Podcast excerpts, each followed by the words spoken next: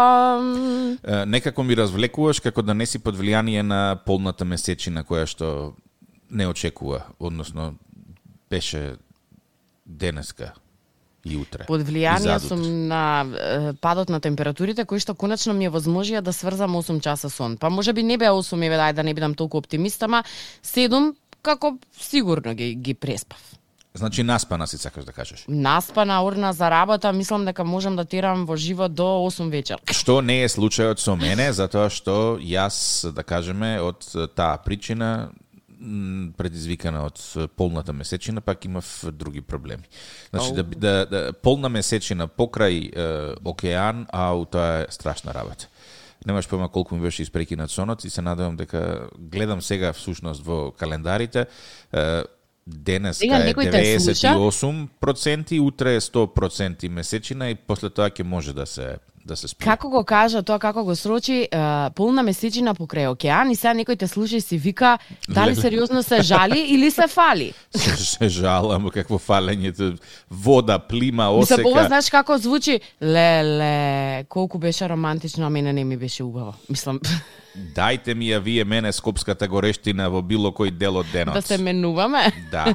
па не знам дали ќе сакаш, ама добро, може да пробаме. Освен тоа што е полна месечина, патем и ретрограден Меркур се случува. Ау, добро. Ама јас колку што добро прочитав, мојот и твојот хороскоп, ретрограден Меркур не ги засега овој период. Може би во некој следен циклус. Е, тоа ќе видиме. Види, ретроградниот Меркур, ако не не засека нас, засега ги некој засега друг. сите околу нас. Да, и тоа што ги засега сите околу нас, влие и врз нас. Така да ја не го купувам тоа влијае, не влијае, не засега, не не засега. Тука, извини, ретрограден Меркур си е ретрограден Меркур. Треба да му се даде целата почит која што ретроградниот Меркур ја заслужува и тоа е тоа. Нема тука мрдање. Значи, во ретрограден Меркур газиш по јајца. Инаку тешко тебе. Mm -hmm. Добра, може да пробаме и така. Немам никаков проблем. Инаку не е се така црно. Некаде има и шарено. Добро е што има и бело. Добро е што има и зелено, добро е што има и е, сончева.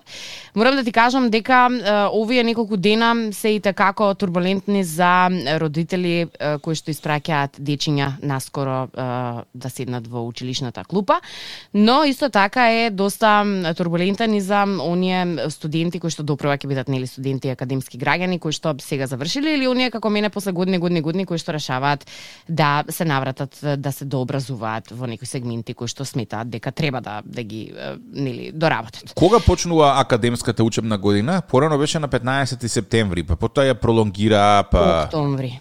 Значи на октомври. Да, во моментов а, после онлайн а, аплика, аплицирањето или апликациите кои што нели секој со, студент соодветно требаше да ги потполни, време е за собирање на документи, за трчкање по разноразни документации од типот на а, извод од матична книга на родени, ново државјанство и така натаму и така натаму. Добро. И морам да ти кажам дека вчера се соочив со еден момент за мене досега непознат, од проста причина што кога ќе ти кажам студентски прашања, што е првото нешто кое што ти паѓа на памет? Гужва, ред, шалтери, викање, дерење, ова ти фали, фраз, врати се. Ти фали една уплатница. Мене тоа е тоа што што ми текнува кога ќе ми текне на студентски прашања и права да ти кажам, на студентски прашања најчесто работи некоја изнервирана тетка која што стварно не сака да се замара со твојот проблем и со твојата уплатница што ја нема, ти вика ти фали уплатница, ти ги враќа документите и ти снаоѓај се. Е, на таа тема вчера ми се случи да, на таа тема вчера ми се случи неверојатно изненадување, јас останав без зборови. Звони телефонот и јас кривам. Ала, добар ден, добар ден, велам. Господја Зорица Николовска, да, векам на телефон и по блажината на гласот чувствувам дека е некој кој што сака нешто да ми продаде. Добро. И јас премна да кажам, не можам сега да зборам, да... се јавуваме од студентски прашања. Тада, викам, дајте еден момент пауза да видиме. Вашата апликација е разгледана и уредно доставена, ќе ве молам да ги соберете документите и во следните неколку дена, од толку до толку, во просториите на тој факултет, да дојдете да ги донесете лично. Добро. Добро, велам. Тоа е тоа. Да, тоа е тоа. Многу ми е драго што се слушаме. Имате убав прекрасен ден. Спуштам и сум во шок и неверување. Каде отидоа налутените тетки од студентски прашања на времето? Е, па види, Колку се променија студентски Пантареј, прашања? Пантареј, Зорке, се тече. Колку старевме, колку години имам, кај се тетките што работеа на студентски прашања? Па ти остаре, е, сега види, луѓе твоја возраст наскоро ќе станат тетките на студентски прашања. Генерацијо. Милена генерацијо во Па сега, зошто да не, мислам, може Сакам и таа да ти варијанта речам, да ја, да ја разгледаме. Сакам да ти речам, овие нови генерации на студентски прашања целосно ги ги разочара оние кои што очекуваа дека повторно тетката која што не сака да се бави со твоите проблеми и уплатницата што ја немаш и дојде некои нови времења каде што е, тетките во наводници кажано, ја верувам дека не се тетки, ама е, прават некоја нова шема, даваат некој нов лик на на моментот студентски прашања. Таа љубезност, таа срдечност, таа блажина во гласот дека можам да пристапам или па си велам да не е ова случајно само еден момент додека да те привлечат. Па потоа од позадина доаѓа некоја тетка од студентски прашања со ти фали една уплатница. Така е, ама ето, битно се исправиле работите и тргаат на подобро, така да... Па надеж битно- има, Надаш има, така што би сакала да им посакам среќа и многу успех на сите нови студенти кои што денес, утре, заутре, прихутре, зависно како им е рокот, ќе ги поднесат своите документи. Знам дека ќе ви треба многу трпение, знам дека ќе ви треба многу фокус, ама секој предизвик си носи и свои позитивни страни, така што верувам дека овие се првите и најлесните предизвици во животот кои што ќе ги имате, се понатаму е многу потешко, но поминувајќи го ова, се на така е песна.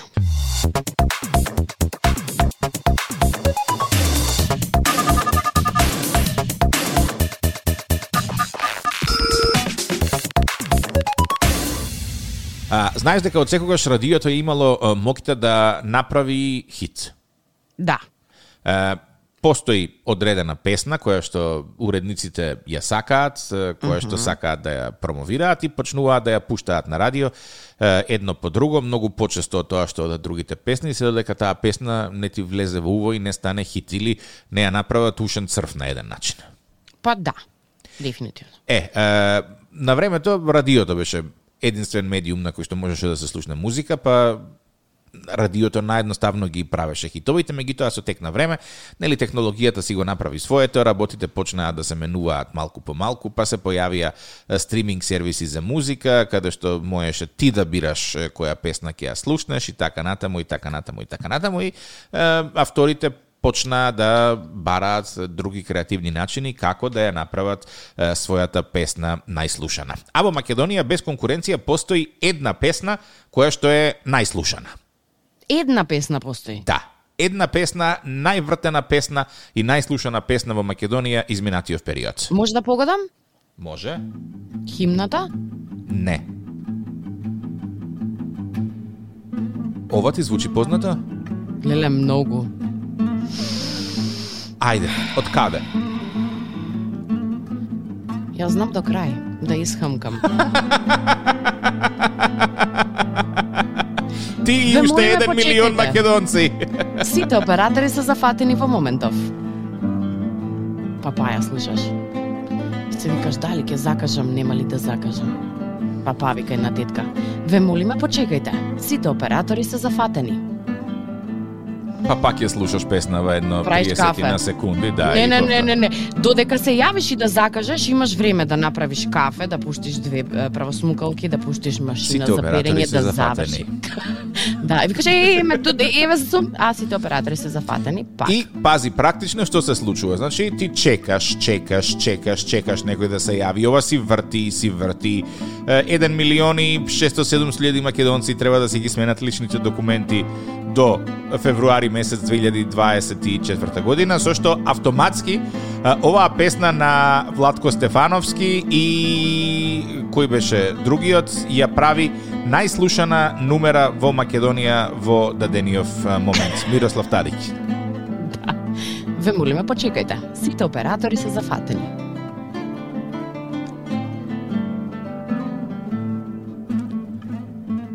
Ве молиме, почекајте.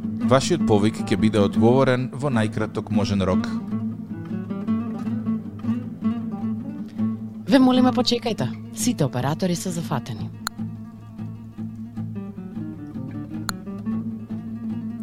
Ве молиме почекајте. Сите оператори се зафатени. Ве молиме почекајте. Сите оператори се зафатени.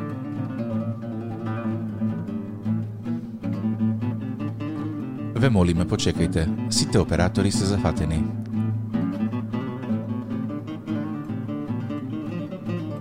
Ве молиме почекајте. Сите оператори сте зафатени.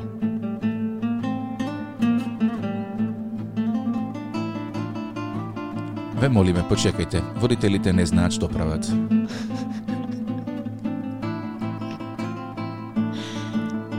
Ве молиме почекајте. Сите оператори во моментов се зафатени.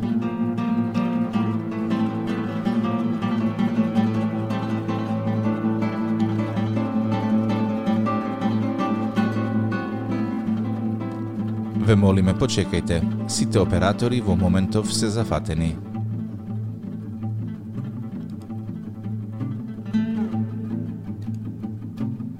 Ве молиме почекајте.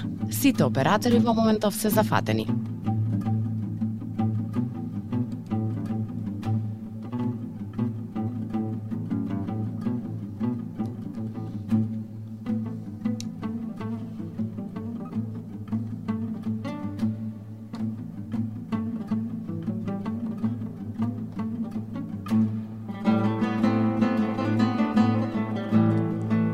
Молиме почекајте.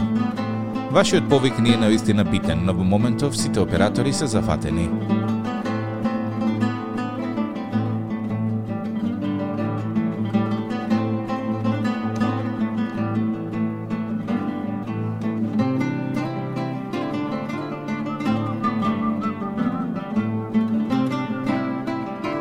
Замисли Зорке сега дур слушаме ово ни се јави некој стварно и што ќе преме, ќе закажуваме за пасош? Па ја би закажала да ти кажам, а и не знаеш колку други луѓе чекаат да да закажат со оглед на тоа што вчера закажаните добија термин некаде во февруари, можам да замислам следните кога би добиле по ам, редовна постапка. Оф, леле.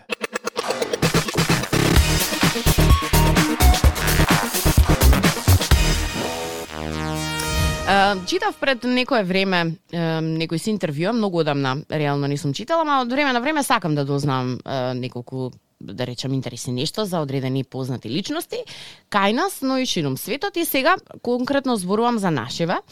А, меѓу нели прашањата секогаш се појавува и прашањето не знам омилена дестинација, омилен пијалак и омилена храна. И многу ми е интересно тик-так да ти кажам кога нашиве познати личности ќе изјават дека омилена храна има, не знам, ам, октопот на жар. Или, не знам, суши. Или, не знам, паста ти се молам. Бе, кажи дека макарони со сирење ти е омилено за јадење, не туку драматизира, демек по, по така луксузно кажано, паста ми е омилено јадење. Значи, од сите тие работи што ги наброја, само макарони можеш да најдеш по ресторани во Скопје. Октопот на жар и суши, мислам дека во еден ресторан само се па два-три ајде би рекла да да прошириме дека не е толку дека не може да се најде, ама реалноста е следнава. Ти не дека за ручек јадеш суши или октопот на жар си направила денес, и не е дека го јадеш тоа толку често, може да кажеш да го направиш во статистика јадење кои што сум ги пробала еднаш и многу ми се допаднале. Ама омилено јадење Да, во- дефинитивно во не твојот ти е. случај никогаш повторно нема да ги Во пробаш. мојот случај не знам, веројатно и нема ни да дознам како е. А, меѓутоа, една друга работа ме, ме иритира. Зошто Добра. не можеме едноставно да бидеме искрени? Да речеме, јас многу повеќе ќе ценам во интервју да прочитам омилено јадење мусака. Манџа. Манџа, да, компир манџа ми е омилено јадење, најчесто го, го готвам и многу го јадеме дома. Или купус зелка. Абе, луѓе, дај да се бидеме искрени, Тавче не може суши да ти омилено јадење, два пати у животот си го пробала или не знам октопот на жар. Не може, то ни- ние не сме таква поднебја. Каде што да се јаде суши или октопот на жар, така? па да ми е омилено јадење, да ме го преферирам најмногу од сите. Кога? Два пати годишно? Е, Зорке, ама сега во Кина, еден кинески инфлуенсер на радио кажува омилено јадење му било бурек и ајвар. Гравче тапче. Нема ре, реално, значи, ајде да си реално да си го одговориме прашањето. Не, знаеш што? Милено јадење е она што го преферираш и кое што го јадеш начесто со сласт. Граф и сирење, па нема поомилено јадење од тоа. Остај тоа, каде е сега македонската дипломатија да поработи на популаризација на традиционалната македонска куина? Види како убаво италијаните и кинезите го имаат тоа филувано и проткаено во други нации, да кога Да. ќе прашаш нивни инфлуенсери, одма одговараат, а, суши, октопот на жар, кинеска храна, паста. Значи, италијаните и кинезите си го сработиле своето. Замисли сега ти имаш интервју со, лупам, која е позната инфлуенсерка од мое време, Ким Кардашијан, да кажеме. И Ким Кардашијан има е, интервју со Елен Дедженерес на телевизија и Елен ја прашува, So, Ким, која е твоето омилена храна? И Ким вика, Вау, Елен, да ти кажам право, јас не можам да живеам без македонски ајвар. Да.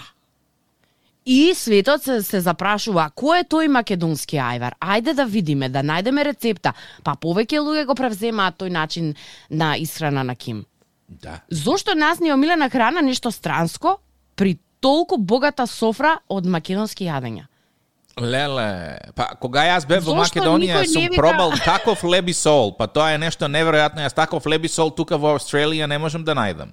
Е. Или таков купус зелка сум јадел. Да. Прсти да излижеш. Да, Мислам, да, да. да, Апсолутно. А не, Оривче, обично, не знам, турлитава, ем, ајде нека се и паста, нели, кажана вака како... Јувки, бе, високото- Зорке, јувки сакам. Јувки, тарана, бе, што ти омилена тарана. Ама еве и наши, бе, зошто, не, зошто да се лажеме? Мислам, не е дека јадеш паста секој ден. Ама доимот кој што го ствараш кај луѓето кои ќе кажеш дека јадеш јувки не е исто доимот кој што го ствараш кај луѓето кои ќе ја дека јадеш дека и подобар пиар ќе си направиш со доемот кој што ќе го оставиш кај луѓето ако кажеш дека да, преферирам да јадам тавче гравче секогаш кога можам, колку можам и, и многу во големи количини или купус зелка. Ба, ние сме тоа, таков народ сме, ние тоа го јадеме. Тоа е она што, ајде, наведи ми пет македонски ручеци традиционални. Традиционални ручеци. Добро да е она што најчесто се јаде кај нас. Е, Тавче, гравче, гравче, леќа, леќа, компир манџа, грашок манџа, буранија Грашок. Оу, ја забравивме грашок манџа, нема болја, на син ми на милената. И кој рече? Последната? манџа. Боранија, боранија не ми е баш во милени јадење, ама тоа е тоа што јадеме ние. Од кај излегува сушиве и пастиве и, и кинескава храна и се од на останато кое што не е наше традиционално, па уште згурна на се, омилено име на сите. Ајде да направиме една е, кампања на социјалните мрежи, да ги прозвеме сите македонски инфлуенсери и да ги прашаме кој е име омилената македонска храна. Да, баш сакам да знам. А сигурно сум дека сите од нив преферираат да јадат. Особено знам дека и сите јадат од проста причина што тоа е она што се нуди кај нас и тоа што тоа е она што реално се готви за ручек.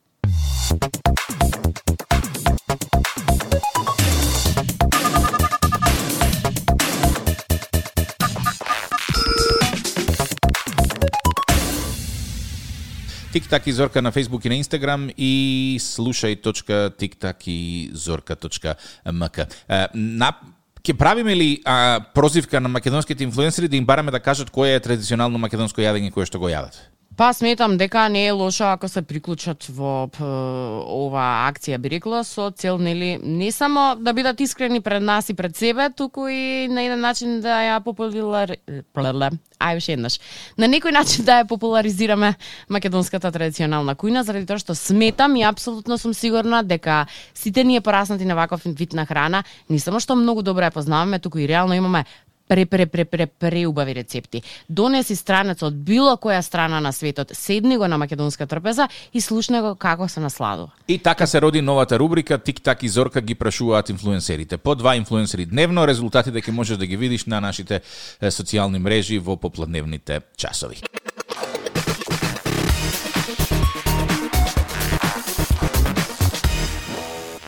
Секси рецепт за среда, денешниот брз рецепт кој што можеш да го приготвиш на работното место. Да слушнеме. Денешниот секси рецепт за сите љубители на брза закуска на работното место. Бино сирење со јајца може да се подготви апсолутно на било кое работно место само доколку си доволно брз. Состојки 6 до 7 парчиња биено сирење, 2 до 3 лажици масло, една голема лажица пченкарно брашно и пет јајца. Зошто не парен број? Нека остане мистерија. Биеното сирење го сечме на парченца, го пропелкаме во пченкарното брашно далеко од очите на љубопитните колеги. Штом ке се вжешти маслото, во тавчето ги ставаме парчињата сирење едно по едно. Прашиме додека поруменат од двете страни. Јајцата ги маткаме и ги истураме врз сирењето. Еднакво на сите страни. Подпржуваме од двете страни, сервираме топло, со прилози по желба. Томат, краставица или кетчуп, буковец или што друго и да се најде во работилницата. На здравје. И чувајте го рецептот подалеку од очите на вашите колеги.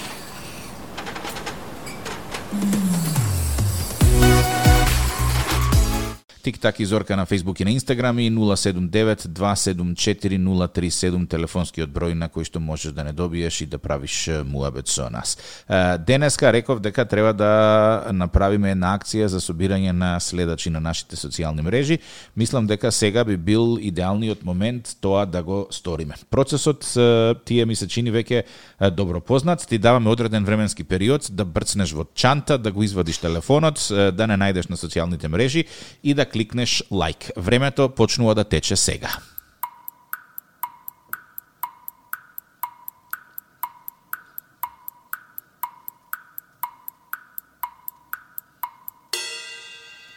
И времето... Да направиме проверка на дали да им дадеме дополнителни 10 секунди, затоа што ова не е баш така наедноставен процес, Да. но во секој случај го бара вашето внимание. Аха, аха, да, резултат има.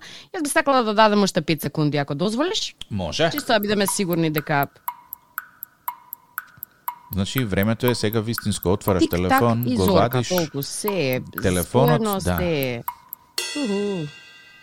Ми го блокиравте телефонот, ама фала. Добро е. Да. Добре. Успешна операција завршена за денеска. Ви благодариме. Е, Вашиот лайк многу ни значи. Не значи. И како, а таму на истото место ги слушате најинтересните парчиња кои што ги имаме во текот на целата недела, нешто што сме сметале дека треба да остане запаметено, а, секси рецептите се разбира и новата рубрика која што ќе имате можност втората епизода да ја слушнете премиерно утре, а тоа е Погодија шпанската серија, ама за тоа малку повеќе ќе слушате во текот на нашето утрешно дружење.